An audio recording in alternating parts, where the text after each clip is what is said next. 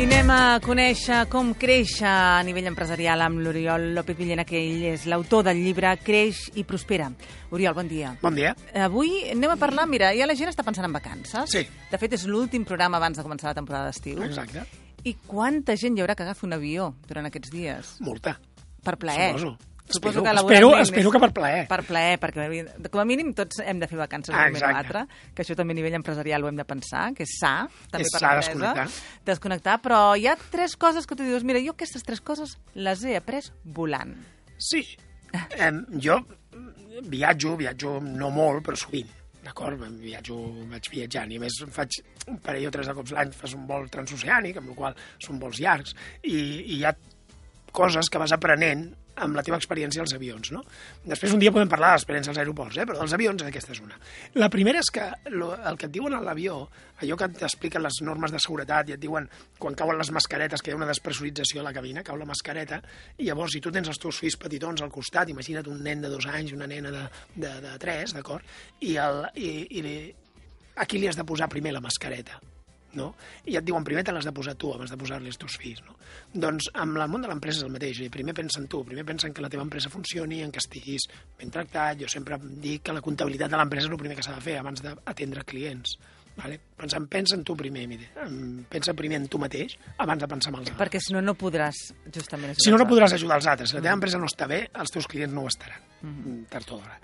La segona cosa que vaig aprendre és a triar passadís. Sempre. Jo sóc de l'opinió que hi ha dos tipus de persones, els que trien passadís, els que prefereixen triar passadís, i els que haurien preferit triar passadís. D'acord? per què? Perquè el passadís et dona llibertat. O sigui, el passadís et permet aixecar-te, anar al lavabo... Sense demanar pas a ningú. pots posar la cama cap a un costat si, si vols perquè no tens, no tens ningú allà, d'acord? Tens llibertat, al colze no hi ha ningú que et molesti, no tens la paret ni res que et molesti, i, i això et dona llibertat, i això l'empresa també t'ha d'ajudar. És a dir, sempre has d'intentar prendre decisions que t'obrin el ventall, és a dir, que et permetin tenir més llibertat, no, decisions que t'encotillin. Exacte, no encaixonar-te tu mateix. Ah, exacte, això passa a vegades amb gent que es vol especialitzar massa o gent que, que ha pres decisions i és incapaç de fer-se enrere i dir, ostres, aquesta decisió ja hem de treballar amb aquesta decisió, que era errònia, però es continuem perquè ara ja no podem tirar enrere. Ostres, no, intenta, intenta Canviar-la. sortir d'aquell cercle, no? Per mi, triar passadís és important també a l'empresa. I la- l'última, aprofitar la desconnexió. Home, Això t'obliga, l'avió no et permet Bueno, estar connectat a res. De moment... Pràcticament. Bueno, pràcticament, perquè cada, Cada cada, vegada van afegint, van afegint coses, el wifi, no sé què.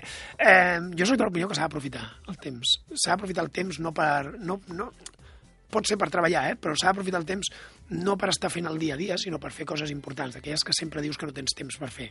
Per tant, aprofita que estàs desconnectat per pensar en l'estratègia, per pensar en com faràs créixer el teu, eh, la teva empresa. És a dir, aprofita la desconnexió per fer aquelles coses importants per les quals en realitat no necessites connexió. Per tant, fins i tot pots no endur-te el portàtil al, a, Clar. a l'avió, pots simplement endur-te una llibreta, d'acord? I fins i tot també pots mirar una pel·lícula o això, que sempre està bé. Però això de la llibreta i el bolígraf i prendre notes, quasi bé sembla antic, no? Sí, però I que sa què és. és sa perquè no té eh, distraccions.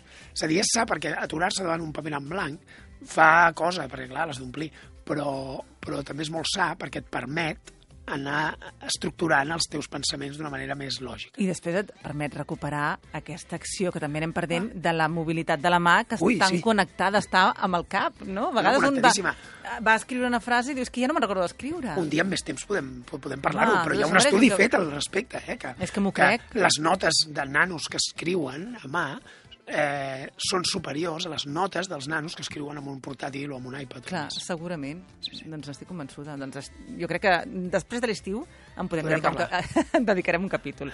Molt bé. Oriol, que tinguis unes bones vacances. Gràcies, igualment. Adéu-siau. Adéu-siau. La primera pedra, dissabtes i diumenges de 6 a 7 del matí.